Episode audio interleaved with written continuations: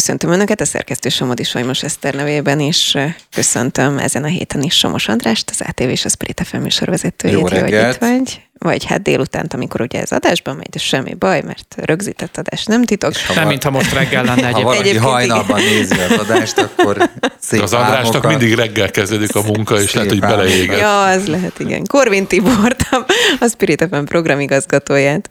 Szervusz, köszöntöm a hallgatókat. És Hazafi Zsoltot, az egyenes beszéd főszerkesztőjét. Szép jó napot kívánok mindenkinek. Na, mivel szeretnétek kezdeni? Belpolitikával vagy külpolitikával? Van itt minden a héten szerintem hangos a sajtó. Trumptól ezt is nagyon szeretném, hogyha kibeszélnénk, hogy mi a véleményetek róla. De hát itt közben volt egy, egy kilépés, Mesterházi Attila kilépése, ami szerintem inkább úgy izgalmas, majd erről beszéljünk, hogy a még egy pártra van-e szükség, és, és vajon ez a szakadását jelentheti-e az amúgy is gyengelkedő MSZP-nek. És nézem, hogy a kormányinfón mi minden hangzott el, hiszen ezzel egy időben rögzítjük egyébként a műsort. Hát itt az ellenzéket szidják elég erősen, május után sem fog változni a gáz és az áram lakossági piaci árat, csupa izgalmas téma ebben is, ahogy látom. Szóval mivel szeretnétek kezdeni? Szerintem belpolitikával kezdjük. Jó, akkor kezdjük szerintem ezzel, mert a hét híre volt az, hogy Mesterházi Attila ugye a héten bejelentette azt, hogy akkor ő kilép az MSZP-ből, és rögtön ezzel a lendülettel bejelentette már, hogy új pártot is alapít, amire azért így szoktak várni egy picit szerintem egy kilépés után. Szerepelt ugye az egyenes beszédben is, és másnap itt nálunk a Spirit fm is a Hazafi Zsolt szerkesztésében. Ja, azt nem is te szerkesztetted, azt, ezt a Somodi Sajnos Eszter. Az, editor szerkesztője szerkesztette. Szóval megszólalt nálunk viszont is, viszont vele. én beszélgettem vele, és, és én onnan indítottam nála, hogy megkérdeztem azt, hogy, hogy ez most igazából egy sértettség, az ő részéről, hogy, hogy kilép, vagy mondjuk egy ilyen politikai pozícióharcnak az elvesztése, hiszen az így szerintem nem volt titok, aki kicsit is követte a belpolitikát, hogy ott azért MSZP-n belül is vannak súlyozások, vagy, vagy igyekezett arra, hogy kimondja meg, hogy merre van az előre, és hogy ezzel kvázi akkor ő ezt elismerte, hogy elveszítette ezt. Mondta nyilvánvalóan, hogy egyik sem, hanem ez egy jól átgondolt döntés volt, és ő már korábban tájékoztatta az MSZP vezetőségét. És arra a kérésre, amikor azt mondtam, hogy akkor ez most igazából egy kilépés vagy egy szakadás, és hogy keresette meg más MSZP-s politikusokat, hogy akkor tartsanak vele, arra pedig egy ilyen majdnem kitérő választ adott, tehát így egyértelmű volt, hogy nyilván azért ezt ő megbeszélte ott belül, és valószínűleg, vagy várhatóan azért lesz még olyan, aki csatlakozik hozzá. Szóval mit gondoltok erről a történetről? Hát ugye az van, hogy a, a legközelebbi választás egyik eleme az európai parlamenti választás, ahol tisztán listás választás lesz, tehát nem lesznek ezek a különféle súlyozások, és ha valamelyik párt fel tud mutatni valamennyire látható eredményt, akkor arra lehet építkezni. Ezért a, akikkel én beszéltem elemzőkkel, meg politikai szereplőkkel, mindenki arra számít, hogy az ellenzéki oldalon letisztul most a kép. Ugye ellenzéki oldalon most van vagy 8 vagy 10 párt, indítani fog pártot a Márki Zaj Péter, várja mindenki, hogy Jakab Péter a néppártján meg fog alakulni, most indít, indít a Mesterházi Attila, és nincs általában az Európa Parlamenti választás, nincs akkora nagy részvétel, oda nem szavaznak sokat, tehát 50 ezer szavazóval lehet olyat mutatni, hogy mm. mintha létező párt lenne, és lehet arra építkezni. Az elmúlt időszakban azért a semmiből létre tudtak jönni pártok, pár tönkre is tudtak menni. Az LMP a semmiből jött, azért már évtizede, majdnem egy másfél évtizede azért meghatározója valamilyen szinten az ellenzéki politikának, a Momentum a semmiből jött, tehát ha valaki akar csinálni egy új pártot, vagy a mi hazánk a semmiből jött, akar csinálni egy új pártot, akkor egy jó lehetőség ez. Ennek viszont az ellenzék szempontjából szerintem meg egy olyan, olyan lehetőség van az egészben, hogy le fog tisztulni. Ja, most van a LMP, párbeszéd, MSP, demokratikus koalíció, Jobbik, Mi Hazánk, és lesz most a Mesterázi Attila pártja, van a két kutya párt, és ha ezeknek kialakul egy olyan mezőnye, hogy mondjuk ilyen 10-20-30 ezreket kap egyik párt, akkor annak ott vége, mint ahogy az együtt nevű pártnak is ott lett a vége. Tehát ilyen értelemben ennek van értelme, hogy megpróbál valamit csinálni. Nyilván egy belső háborút elvesztett, kiszorították a MSZP-ből, de ugye ez Elfogyott a... körülötte a levegő, ezt mondta Molnár Zsoltán. De azért a, az MSZP is az elmúlt ö, ö, 20 évben azért sikerült leszalámezni a magát. Egy kicsit olyan, mint az MDF, hogy így szépen elaprózódott.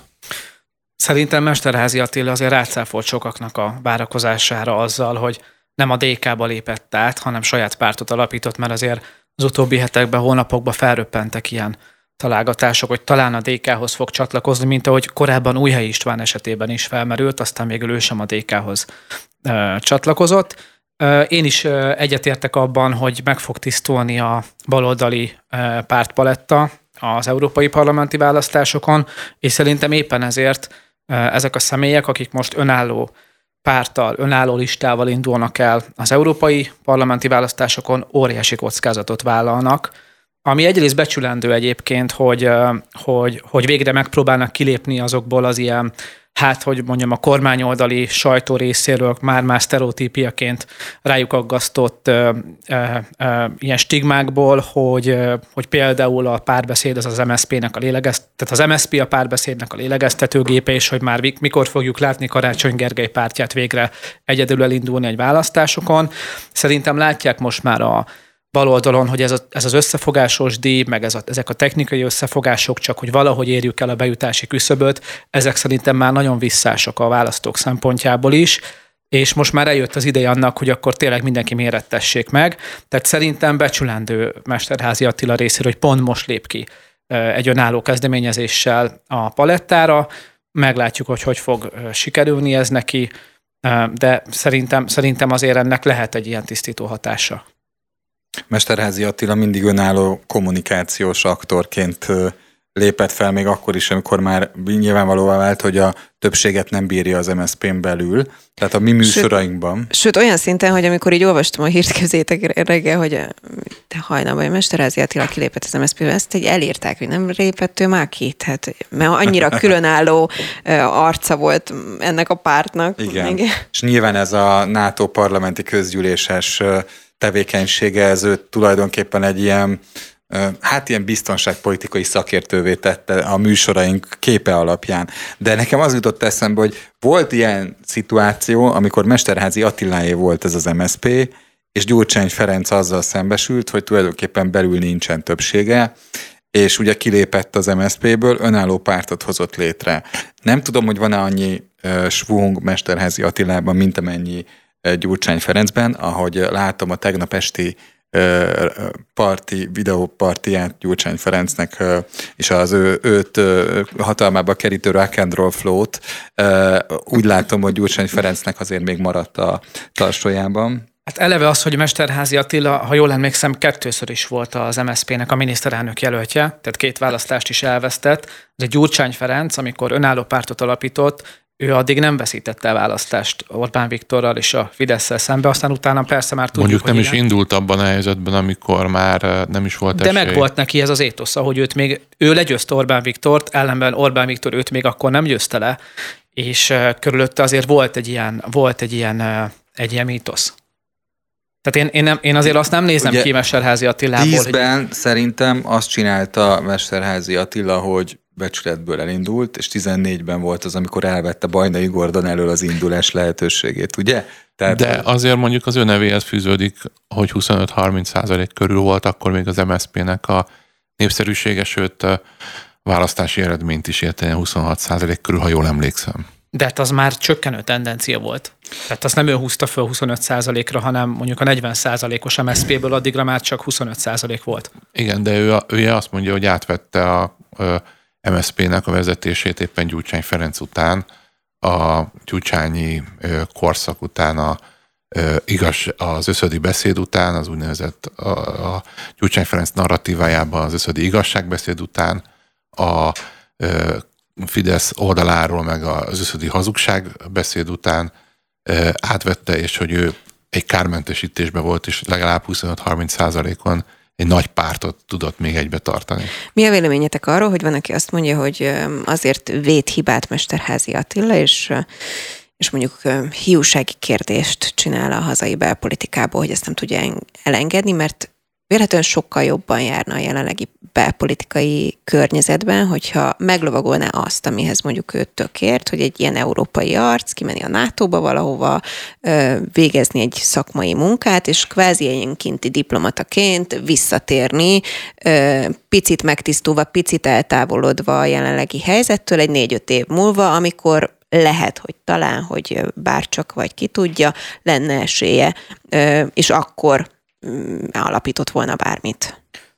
Szerintem ezt nagyon nehéz megcsinálni pártámogatás nélkül. Tehát azért az olyan európai, vagy, vagy akár globális ilyen politikai, vagy diplomata, vagy ezzel összefüggő állások, azért rendszerint olyan állások, ahova pártok, kormányok, parlamentek delegálnak embereket, és csak úgy önmagában, hogy valaki elkezdjen egy ilyen pozíciót betölteni, vagy még hogyha rendelkezik is kapcsolatrendszerrel, szerintem azért ezen a területen így magányos harcosként nagyon nehéz érvényesülni. Tehát nem tudom, hogy vannak ilyen tervei Mesterházi Attilának, de akár uniós biztosként is, akik valaha uniós biztosi tisztséget betöltöttek magyar kormány megbízásból, láthatjuk, hogy azért nem tudtak úgy pedig voltak olyanok, akik utána már nem volt pártámogatásuk, és szerettek volna benne maradni az európai diplomáciai kapcsolatrendszerbe, vagy pozícióban maradni, és nem sikerült nekik. Tehát ez szerintem egy nagyon nehéz pálya. Hát, Eb- parancsolj. Ebben valószínűleg a Tibornak igaza van. Ő azért nyilván a kint töltött négy-öt év alatt erre rájött, és hogyha új helyi István példáját nézed, az, az, az világos, hogy hiába, hiába épített fel több szakpolitikai területen megfelelő kapcsolatrendszert, hogyha nincsen jelölő szervezet mögötte, akkor nem fog visszakerülni az Európai Parlamentbe. És én nem tudom, a, Tibor, mint hogyha mondta volna, hogy Újhely István nem a DK-ba lépett be, de, de azt még, még napirenden van, nem, hogyha úgy gondolja Dobrev Klára vagy Molnár Csaba, hogy a negyedik, ötödik helyre jelöli Újhely Istvánt, akkor esetleg a DK listáján miért ne kerülhet neki újra? Ő nem? az esély, esély mozgalom köthető Újhelyi István nevéhez, Igen. és Igen. azzal indult el egy tárgyalás, de azért a jelenlegi közönkutatási adatok miatt hogy az első három hely az fix a DK-ba, a negyedik helyet ajánlották fel, ha sikerül megállapodni Újhelyi Istvánnak és a DK-nak, azért az nem annyira biztos. Az esélynek. A, az, az, az esélynek, esélynek, bocsánat. De visszatérve Mesterázi Attilára, hogy azért én én azért, hogy nem mernék fogadni, hogy arra, hogy nagy sikert tud elérni, mert szerintem cefetül nehéz politizálni ma ellenzéki oldalon, mert egy teljesen kiábrándult ellenzéki közönségban ez a legutóbbi választás, ez egy óriási kudarc volt, gyakorlatilag szét van forgácsolódva az ellenzék, ugye Márkizaj Péter háborúban áll több politikussal, Jakab Péter, a volt jobbik elnöke háborúban áll a jobbikkal, és a Márkizaj Péterrel nagyon sokan most, háború... most már a DK is háborúban áll, a Karácsony Gergelyel múlt hét óta. Hát igen, ott itt volt egy erős beszólás, tehát gyakorlatilag nagyon-nagyon keményen beszólogatnak egymásnak, és, és maga a, a közönség, maga a szavazóbázis, az szerintem elképesztő mértékben keftelen, apatikus és elfordult a politikától, tehát nem tudom, nagyon-nagyon-nagyon nagy dolgot kell kitalálni ahhoz, hogy ezt meg tudják mozgatni, és ebből a tortából valamennyi szeretet ki tudjanak szakítani, és akik új emberek voltak, vagy új pártok voltak azért, azok tudtak hozni egy olyat, hogy a, a Gyurcsány Feresznek azért tényleg, amit említettél, volt egy mítosza baloldalon, hogy ő az, aki egyedül legyőzte ö, ö, ö, legutoljára Orbán Viktort, ugye előtte a Megyesi Péter volt, az LMP-nek azért ott volt a, a mitosza Sólyom László, ö, mög, mögött jöttek ők létre, őt támogatták, volt egy, egy olyan kör, amely, amely mérhető értelmiségi kör volt. A Momentum a Nol olimpiás aláírásokkal tudtak berobbanni, tehát én azért azt mondanám, hogy Mester Attilának cefetül nehéz dolga van. Én, ha most fogadni kellene, de nem merek fogadni, mert általában elszoktam. veszíteni. Főleg a Anikóval szemben már több fogadást is elvesztettem. Azért, azért elég reménytelen challenge-nek tűnik ez a küzdelem. Nem tudom, hogy ti hogy látjátok. Egyelőre csak egy kapaszkodónk van, a Nemzeti Karkötő és Szakács László. Ez kettő, bocsánat, ugye nem egy, hanem kettő. Miért nem? De, nem, de. De, és Szakács László, ő egy tisztességes politikus, tehát ő a devizahiteles ügyben szerintem konzekvensen és egyértelműen az elesettek oldalán áll. Ilyen szempontból neki van kreditje. Az a kérdés, hogy milyen bázis céloz meg. A nemzeti karkötő az olyan szempontból érdekes, hogy talán a konzervatív szavazóknak, akik, akik az LMSP-sedett bal, baloldalból kiábrándultak, talán ők Mesterházi Attilában láthatnak potenciált, csak mögé kell állni, gondolom több ismert arcnak ahhoz, hogy ez legyen valamiféle szélesebb kör. Én próbáltam nála, bocsánat, Én ezt akartam, hogy a, a te kérdésedre ezt érdemben nem válaszolt, hogy kiket igen, akar, pont ezt akartam mondani. El... Megkérdeztem azt is, hogy egyébként Gyurcsány Ferenccel egyeztetette, amit hát nem mondom azt, hogy cáfolt, mert az azt jelenteni, hogy egyeztetett, és azt mondta, hogy nem. Szóval azt mondta, hogy nem egyeztetett vele, hiszen ez egy ilyen logikus lépésnek tűnt volna, hogyha már egy ilyen kiderül. És megkérdeztem azt is, igen, hogy az egyenes beszédben ugyanarról beszélt, hogy jó, kiket szólít meg, és akkor nyilván jött egy ilyen hát bla bla, mert hogy kiket szóval kiábrándultak meg a, izé, meg a mindenki, meg az akárki bárki, és mondtam, hogy jó, ez így szuper, de hogy ki kell, tehát hogy vannak ketten név szerint, ugye, akiket most te is fels, akiket felsorolt, az egyet, aki mellette van, Szakás Lászlót felsoroltad, hogy ez két ember, az még nem egy párt, tehát hogy hogy kik lesznek azok, akik ennek a pártnak politikusai, vagy tagjai, vagy akik érdemben mondjuk fognak dolgozni. De mindig azt tartották Mesterházi Attiláról, hogy ő, ő, ő egy ilyen matchmaker, vagy nem tudom, a párton belül egy ilyen informális hatalmi központ, és hogy ö, ö, amikor már nem is volt pozícióban, akkor is nagy hatással volt erre a ö, belső ö, tömbépítésre. Csak ez az informális hatalmi központ, Igen. bocsánat, hogy ez önmagában szerintem az szavazatszerzésre, tehát az embereknek a meggyőzésére, meg országos szavazóbázis felépítésére, azt azért most már 10-12 éve látjuk, hogy ez, ez marhára kevés. Tehát az MSZP az tele van, vagy tele volt az elmúlt években informális hatalmi központokkal, nem csak Mesterházi Attilával, hanem másokkal is, és látjuk, hogy a megszűnés szélén van a, a párt. Tehát, hogy csodálkozni fogunk, hogyha el fogják érni a, a bejutási küszöböt az európai parlamenti választáson. Tehát szerintem az két teljesen külön pálya a párt szervezetnek a fölépítése, meg a pártnak a, a, a gondozása, és a szavazó tábornak a meggyőzése vagy megszerzése. Az mindig nagy élmény párbeszédet folytatni az editorban, csak hogyha egy fél mondat még kimarad abból, amit akartam mondani, akkor nem érthető, akkor hogy... visszavonom az egészet. Nem, nem, nem. Erre ha akarok utalni, hogy teljesen igaza van a Tibornak, de ugye e- ennek a hatalmi központ, vagy informális hatalmi központ szerepnek van egy sajátosság, hogy mindig azt mondták, hogy ő a mesterházi embere a párton belül. Csak arra akartam mutatni, hogy lehet, lehet olyan, hogy valaki kötöttek hozzá az MSZP-n belül, mit tudom én, úgy, mint a feudalizmusban a hűbéres, hűbér, tehát alávetett kapcsolat, és ezért vannak emberei, akik vele tartanak. De hogyha ezek az emberek már az MSZP-nek sem tudtak hozni, akkor Vagy nem ha, ki, ha kiállnak a Mesterházi Attila mellé, akkor nekik miért tudnának hozni? Tehát én eleve nem látom azt a humán erőforrás De tartalékot az MSZP-nek a tagságában, aki hogyha előáll és kiáll, akkor az mondjuk jelentős ráhatással fog bírni a közvéleményre. Igaz, lehet, hogy aludtak eddig az MSZP-ben, és azt mondták, hogy itt az új lehetőség.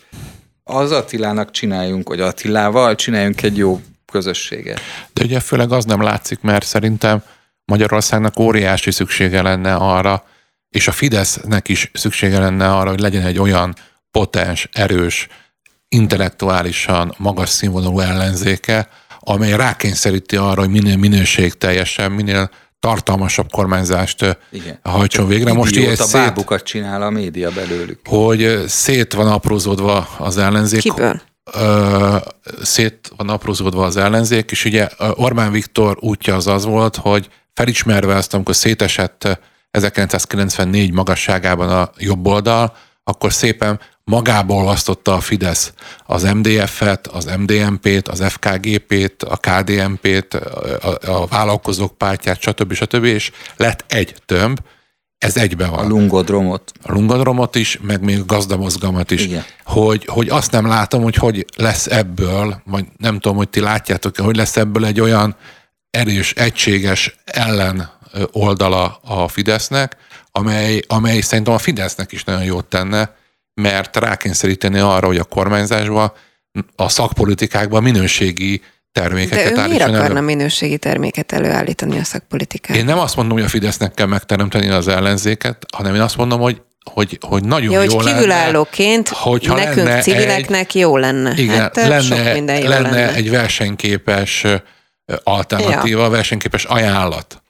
És most ezt nem látom, ezzel megint az van, hogy kicsit aprózódni látom azt a, tehát van egy torta, azt megint próbálják szeletelni mások, kicsit olyan, mint a, a vödörből horgászás, hogy van benne tíz hal, most azt, hogy ki mennyit fog ki belőle, ugyanannyi hal lesz.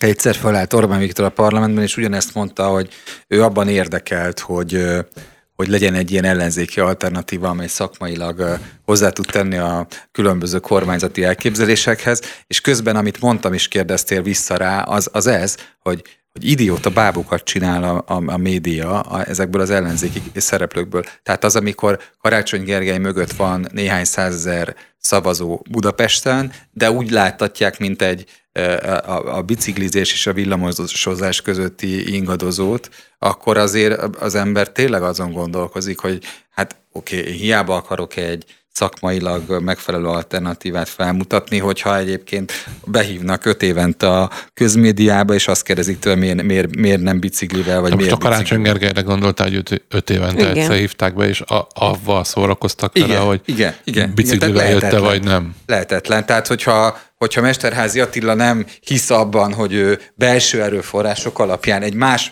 megváltozó politikai klímában, mert most apátia van, ebben igazad van, de hát mi, van, mi lesz fél év múlva, amikor jönnek a választások? Semmi. Lehet jó semmi, de ha Mesterházi Attila ezt másképp gondolja, akkor inkább alapítson Gondolja. egy új pártot, mm ez, ez ugyanaz a véleményem, mint az árnyék kormány. Emlékszem, itt ültünk, megkérdeztétek, hogy mire való, miért jó. Azért jó, mert ők ebben gondolkoznak, hogy szakmai alternatívát. Ez meg egy politikai alternatíva lenne, ők ebben hisznek, és sokkal jobb, mint hogyha egy meglévő, egyébként számára elfogadhatatlan demokratikus koalíciós csatlakozna. Innen folytatjuk egy rövid szünet után. Folytatódik az editor Somos Andrással, Korvin Tiborral és Hazafi Zsoltal beszélgetünk. A belpolitikai helyzetről már volt szó, de hát eh, ami szintén pörög szerintem iszonyatos módon a komplet világ sajtóban az a Trump ügy. Eh, szerintetek mennyit értenek ebből egyébként eh, így kvázi a hírfogyasztók vagy hírolvasók, mennyire átlátható ez a történet, eleve ilyen példaértékűnek tűnik, ugye, hogy egy elnököt lecsuknak, meg bíróság elé. Esetleg esetleg lecsuknak, meg bíróság elé cipelhetnek, meg szürreális az is, hogy miért, hogy azért, mert most ő a, az ügyvédjének más számlát, hamis számlát adott, vagy átszámlázott, tehát hogy ez nálunk magyaroknál én ez probléma, vagy... Szóval az egész ügy egy kicsit furcsa, és minden mellett azt mondja a, a sok külpolitikai elemző, hogy hogy ugyanakkor ez nem egy ilyen politikai ügy, hogy majd ez ettől majd a másik oldalnak sokkal jobb lesz, mert hogy igazából nem. Ti hogy látjátok ezt a kérdést? Én azt gondolom, hogy az van, hogy a, a médiában ez az ügy nem arról szól, mint amiről a valóságban szól, vagy mint ami, mint ami ennek az eljárásnak az alapja. Tehát mint ahogy Magyarországon is így van, Amerikában sincs másként, hogy van két médiabuborék, vagy két véleménybuborék, és valamit elvárnak a CNN-nek, a CNBC-nek, és sorolhatná még a, a, azt a buborékot, a nézői, és elvárják a másik oldal Fox Newsnak, és a stb. konzervatív vagy jobboldali média buboréknak a nézői, és megkapják a narratívájukat, a bekapcsolják a tévét, vagy fölmennek azokra a weboldalakra, és teljesen, tehát nincs is jelentőség igazából az átlagember számára, aki csak felületesen olvassa ezeket a híreket, mm-hmm. csak a mivel vádolják, mi, mi, van abban a 34 vádpontban leírva, amivel vádolják Donald Trumpot, hiszen az egyik oldal azt fogja látni, hogy ma, végtelenségig lebutítva és leegyszerűsítve, hogy ez egy politikai eljárás és egy koncepciós eljárás, és már a, a Biden adminisztráció már most azt akarja megakadályozni, hogy a Trump kihívója lehessen a jelenlegi amerikai elnöknek. A másik oldal pedig azt mondja, hogy na végre utolérte az igazságszolgáltatás, és hogy végre e, bebizonyosodik, hogy Amerikában még jogállam van, és nem lehet akármit megcsinálni, és azt a 34 vádpontot biztos vagyok benne, hogy a legtöbb ember el se fogja soha olvasni. András, házi három, jogászunk. Három különböző szempont.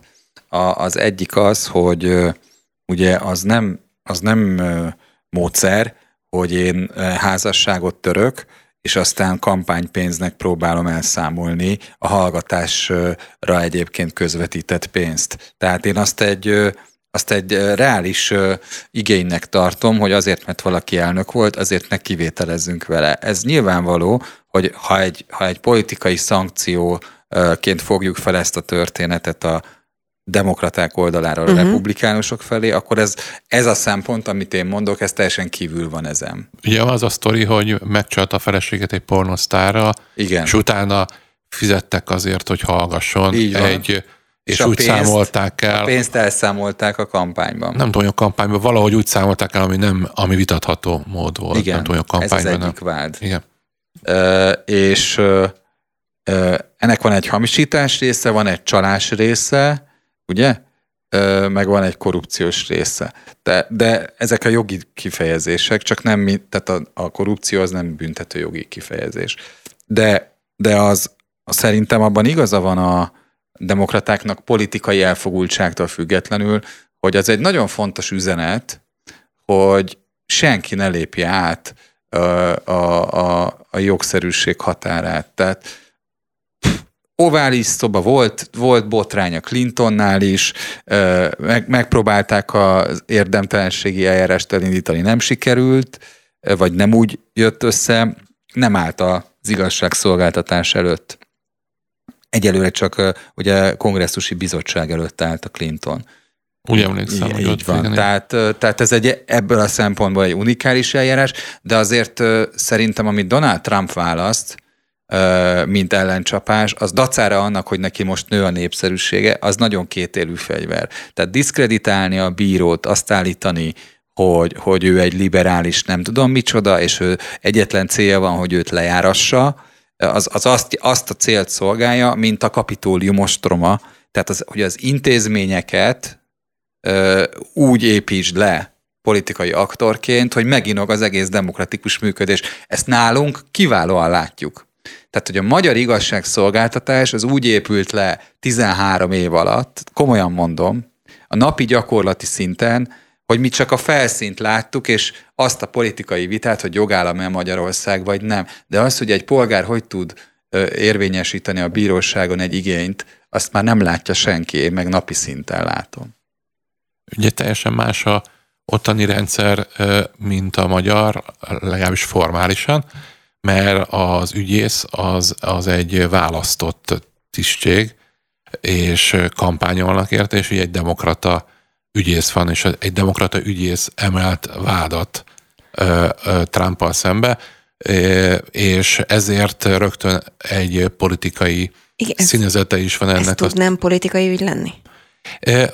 Nyilván mindenki annak szeretné. Hát fel, meg ő is meglovagolja, nem? Hogy ez tisztességtelen helyszín, Amerikának De nem ugye kell a, a bíró az tényleg független, és a, a bíróság fog majd dönteni, de az számomra egy nagyon érdekes történet, hogy azért az elmúlt időszakban nagyon sok országban olyan ügyekből lettek nagy jogi eljárások, amelyek a magyar politikával megvá- meg, megrántják az emberek a vállakat. Emlékeztek, Boris Johnsonnak az egyik problémája az volt, hogy kimentek a Covid alatt, kiárási tilalom alatt, vagy ilyen, és bulisztak, Bulisztak. és vettek alkoholt, Hát én Sebastian hogy... Kurz valami 3-4 ezer eurós ö, ügy miatt kényszerült lemondani a, a Sebastian Kurznál annyi volt, hogy valamelyik minisztérium rendelt meg egy kutatást, egy közvéleménykutatást, ami kedvező volt a pártnak,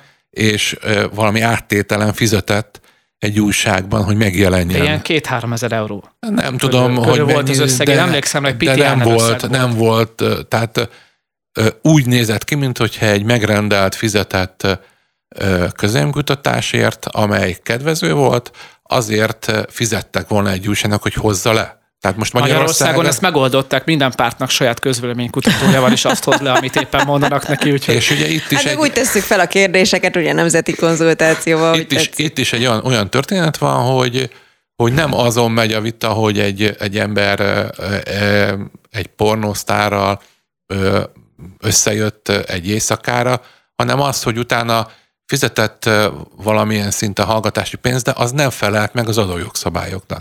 Tehát, hogy, Teljesen. hogy, De hogy van a- van az erkölcsi etikai az a része. Meg, meg van a jogi vagy pénzügyi része, Igen, vagy igen, adózási igen. része, és a kettőt külön kell választani. Itt nyilván a közvélemény Csak azt reggeltől akartam- estig az erkölcsi részével foglalkozik. Én csak azt akarom mondani, hogy Magyarországon azért ilyenekből nem tudom, hogy, hogy emlékeztek egy ezek, ez, azt Jakab hogy ezek, ügy? Hát ne de vicceljetek abban nincs már. jogi eljárás. Milyen ügy? Hát, hát a Jakab ügy, hát nem Jakab ott volt, az egyik fő aspektusa az volt, hogy egyrészt, hogy ki a marikája, vagy ki nem, papucsos, vagy nem, és a másik De része nem lett az belőle volt, jogi eljárás. nem lett belőle, de ugye azért az megjelent a sajtóba, vagy azzal foglalkozott a sajtó, hogy és akkor jó, jó, de egyébként ahova ők feljárnak lakásra, akkor azt egyébként a jobbik fizeti. De nem lett belőle. Én azt mondom, hogy hogyha így végignézed, hogy Boris Johnson olyan dolgokba bukott bele, ami Ja, Magyarországon hát itthon nem semmiben, témák. mondjál már valamit, mibe Kurz buksz olyan bele. dolgokba bukott bele, amiben, amiben azt mondom, Magyarországon, hát... Már lehet meg se írnák ezt igen, a magyar napok, hogyha lenne És ebbe, ez, a sztori, ez a sztori is olyan, De hogy... van egy határügy, ez például a, a Szájár József szerintem még mindig tisztességben megőszülő néppárti politikus lenne, most már nem néppárti, hanem konzervatív és reformerek társaságának a politikusa lenne, hogyha, hogyha nem lenne, lehet volna a kiárás idején az a buli. Kiárási tilalom idején az a buli. Tehát, tehát magyar képviselőt is érinthet ilyen ügy. Nem?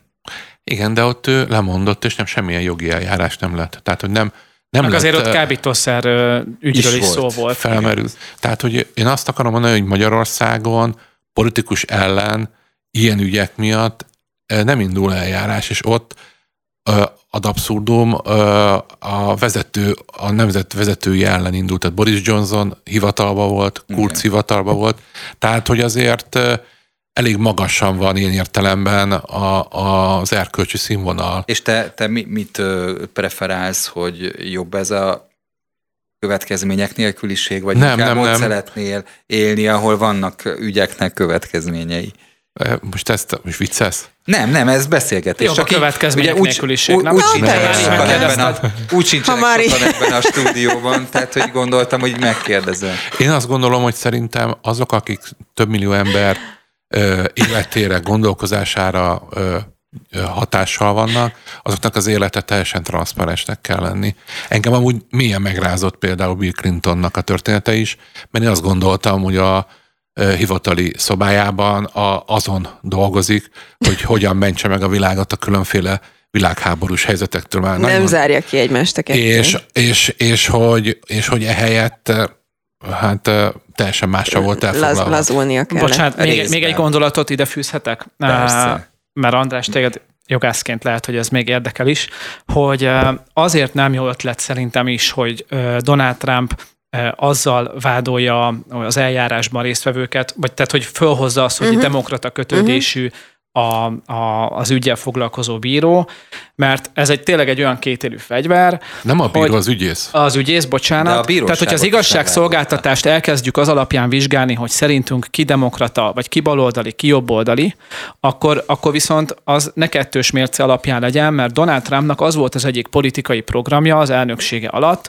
hogy a megüresedett amerikai alkotmánybíróságot ö, mindenáron az elnöksége alatt egy konzervatív alkotmánybíróval pótolja. Ugye a legfelsőbb bíróságnak Ö, hívják. Bocsánat, a legfelsőbb bíróság, igen, de az ugye Amerikában a, a, a legmagasabb alkotmánybíróság. szintű törvényhozói Igen. testület, ami minden törvényt szignóz, és tehát a legfontosabb törvényekhez ők kellenek.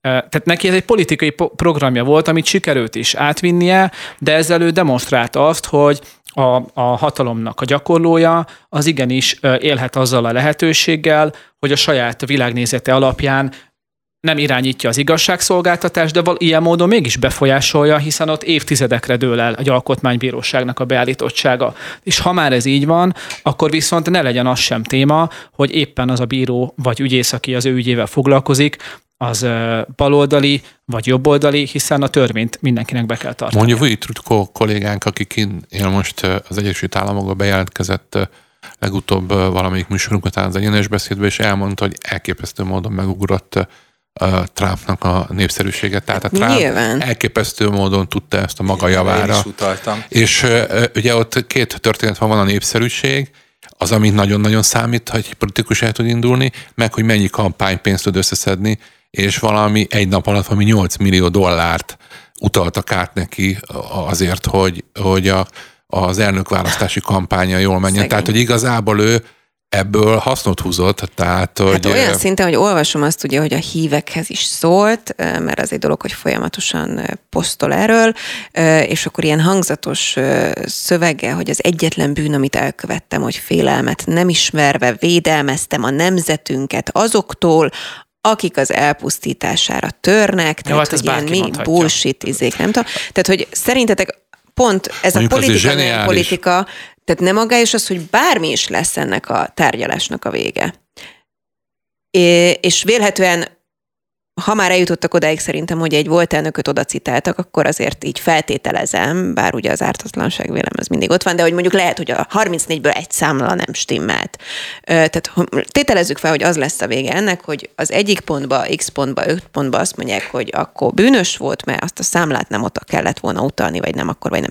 És rögtön tud a Trump arról beszélni, hogy látjátok, hogy híveim, hogy engem megbüntetnek azok a gonosz ellenoldali az arcok. Elit. Igen, igen. Tehát, hogy Hát ez nem, lehet, az... nem lehet jó vége egy ilyennek, De vagy legyen, nem lehet igazságos, a... vagy korrekt vége, vagy nem tudom, hogy hogy fogalmazzam. Legyen az amerikaiak baja, vagy az amerikai gondja, de azt el kell ismerni, hogy a Trump szenzációsan ért a kommunikációhoz, és már nem tudom hányszor eltemették, főleg a kapitolumos trauma után, ahol ugye a, a, az alelnöke Mike Pence is ellene fordult, illetve nem úgy lépett, ahogy ő akart, és megint, megint ott van. Tehát, hogy ez egy ilyen műfaj, az a helyzet, hogy azért annyiban jó erről beszélgetni, hogy azért ez az amerikaiak problémája. Engem egy kicsit jobban aggaszt, ami Magyarországon van, hogy az elég erőteljes megéletési válságot látok, és nagyon sok ember az infláció meg minden miatt azért szenved, tehát, hogy így, így messziről nézve így ezen jól tudunk szórakozni, meg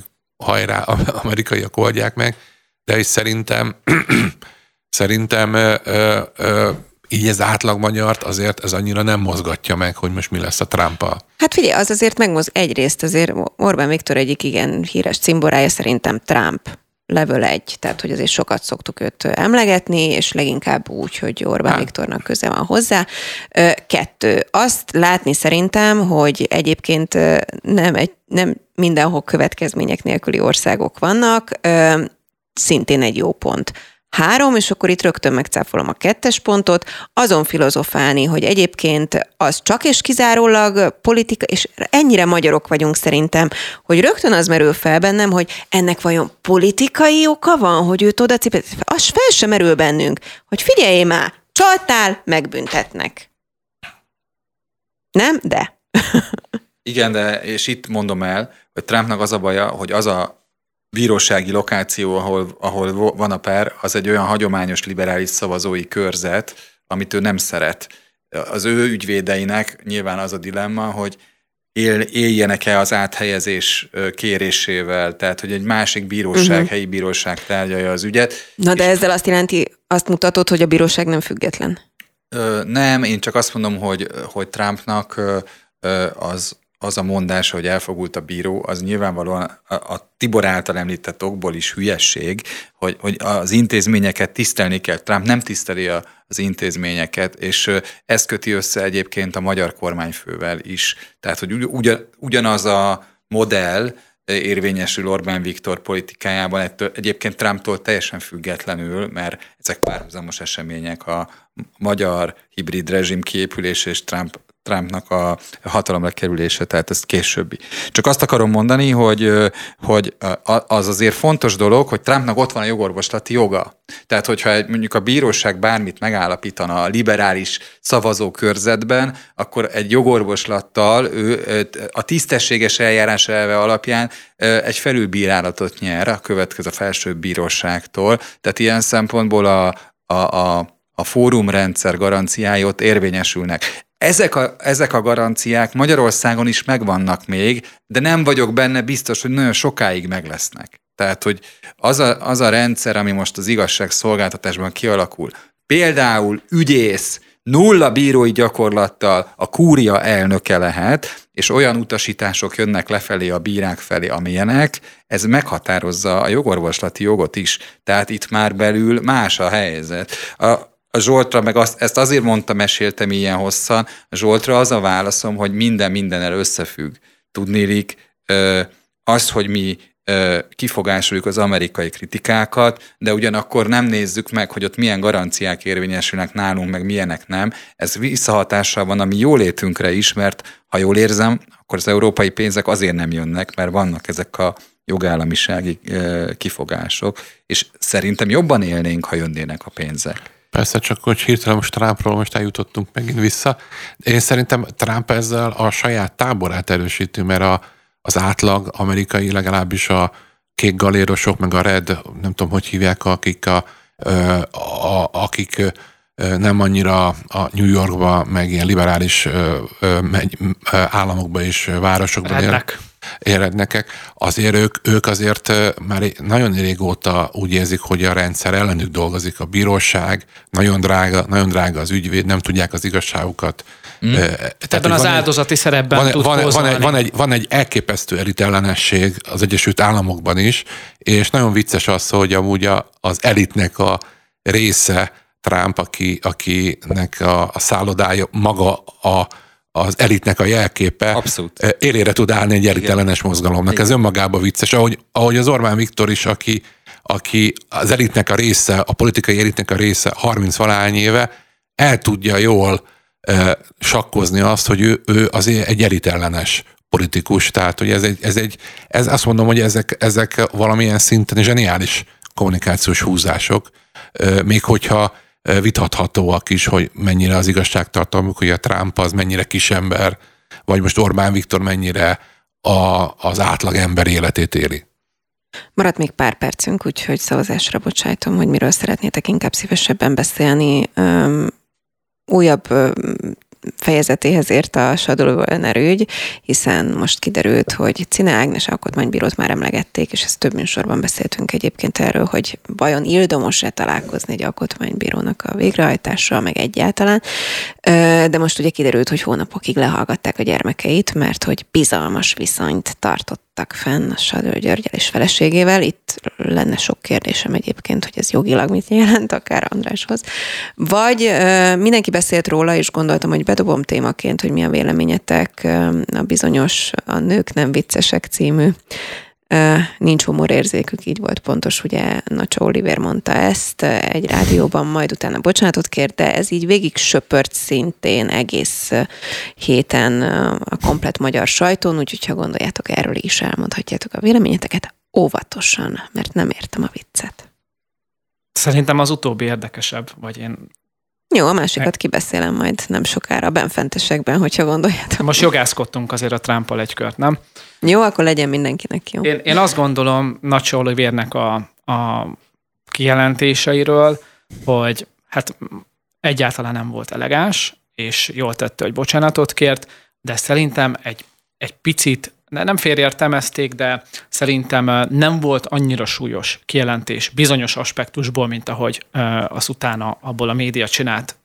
Én azt gondolom, hogy az a megállapítás, hogy a, amit ő mondott, hogy a humor az alapvetően nem egy női műfaj, az annyiban igazolható, hogyha mondjuk néhány évtizedre visszamenőleg megnézzük a leghíresebb magyar humoristákat, vagy akár ma a Duma Színházat, hogy ott mondjuk a, az előadóknak, a humoristáknak a 80-90 a nő, férfi.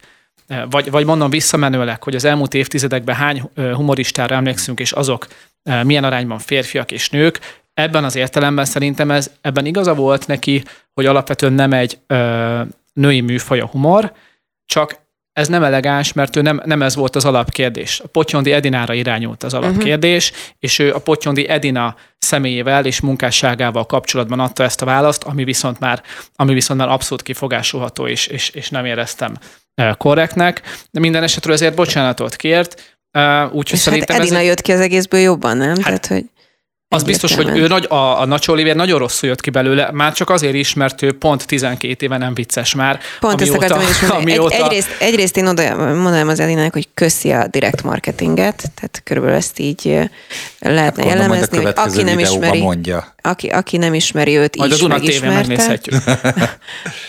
a, a másik meg, hogy kíváncsi vagyok, hogy szerintetek mitől lett ez ekkora ügy, és pont ezért, mert és aláírom, hogy mindenkinek ez, ha valami, ez egyéni érzete, hogy ő vicces, nem vicces, és kitart viccesnek, nem viccesnek. És vannak az angolok, akiktől ki vagyunk akadva, hogy az összes hülye szarpoénon röhögnek, meg vagyunk mi, akik hudekultúrát, vannak a böfögős viccek, a mindenféle vicc van, tehát ez szerintem tényleg olyan, ami teljesen szubjektív. Ezért elmondom az én véleményemet. Nekem Nacho Oliver nem vicces, vesző, sőt pont, tök mindegy. De régen nézem. sem volt az? 2000-es években? Mert szerintem ők akkor nagyon viccesek voltak. Az Orbán, a megyesi paródiáikkal. De akkor sem ő volt a viccesebb szerintem. Jó, mert ez már véleményes, de Vé, szerintem minden nekik, vélemény, nekik vélemény. ők jó humoristák. De, bát, vesző. Ha nekem mondjuk Bödöcs Tibor aki szerintem rettenetesen vicces és kifinomult és okos és elegáns. Nekem ő az egyik legviccesebb ember az országban. Tehát, hogyha mondjuk egy Bödöcs Tibor karakter mondana egy ilyet, akkor én megértem azt, hogy felzúdul egy ország, és mindenki reagál rá, érted? Tehát azt érzem egy kicsit, hogy kimondom, hogy Nacho Olivért fele, felemeltük egy olyan szintre, ami nem biztos, hogy ott van. Egyébként szakmailag. Azáltal, hogy mindenki erről beszélt. Ha van egy percem van, én másról beszélnék el a másik hírről, de ezért nem, nem viszem el. De csak akkor, ha közelebb a... beszélsz a mikrofonhoz, majd üzeni a Kristóf. Nekem van véleményem, nekem az a véleményem, hogy én a generációsan a Bagi Nacsával nőttem fel, és én nagyon-nagyon kedveltem őket, és a mai napig is nagyon tehetséges humoristának tartom őket. Viszont az történt, hogy valahogy bekúztak teljesen a politikához, és Na hát. az Ivánnak voltak olyan mondatai, hogy valójában akik például hatalban vannak, hatalomban vannak, azokkal, azokkal, szeretet, azokkal szeretettel kell bánni, és volt egy vita is, hogy ő, ő, ő nem kritizálja a hatalman levőket, miután egy olyan konstrukcióban ö, dolgozik, hogy a hatalom által ö, teljesen átalakított a közmédiában kapnak jó megrendeléseket. Ez szerintem nem elegáns, és én kicsit úgy érzem, hogy, hogy ellaposodtak, és valamilyen szinten egy ilyen hivatalos humanistává váltak, aminek az egyik jellemzője, hogy, hogy annyira nem tartanak görbetükröt a hatalom, hatalommal szembe, hanem... hanem Duna hanem, tévén ez nehéz is lenne. Hogy, de szerintem ez egy műfaj, tehát hogy ez egy kritik, kritikai műfaj a humor. És ők gyakorlatilag abból élnek, hogy elmennek a Duna tévébe, megkapják a, ezért a gázsit, és, és nem, nem látom azt, hogy járnak az országot. Viszont ez egy olyan műfaj, hogy elképesztő módon demokratizálódott. Tehát a Duma Színház el lehet menni, te is elmehetsz, vannak ilyen felhozó műsorai. Azt, amit a Potyondi Enina ö, csinált, hogy végigjárja az országot, elad nem tudom mennyi mm. jegyet, az igazolja, hogy egy, egy humoristánál az olyan, mint a focistánál a gól. Ha egy csatárról azt mondjuk, hogy csatár, akkor megkezdeni, mennyi gólt lő.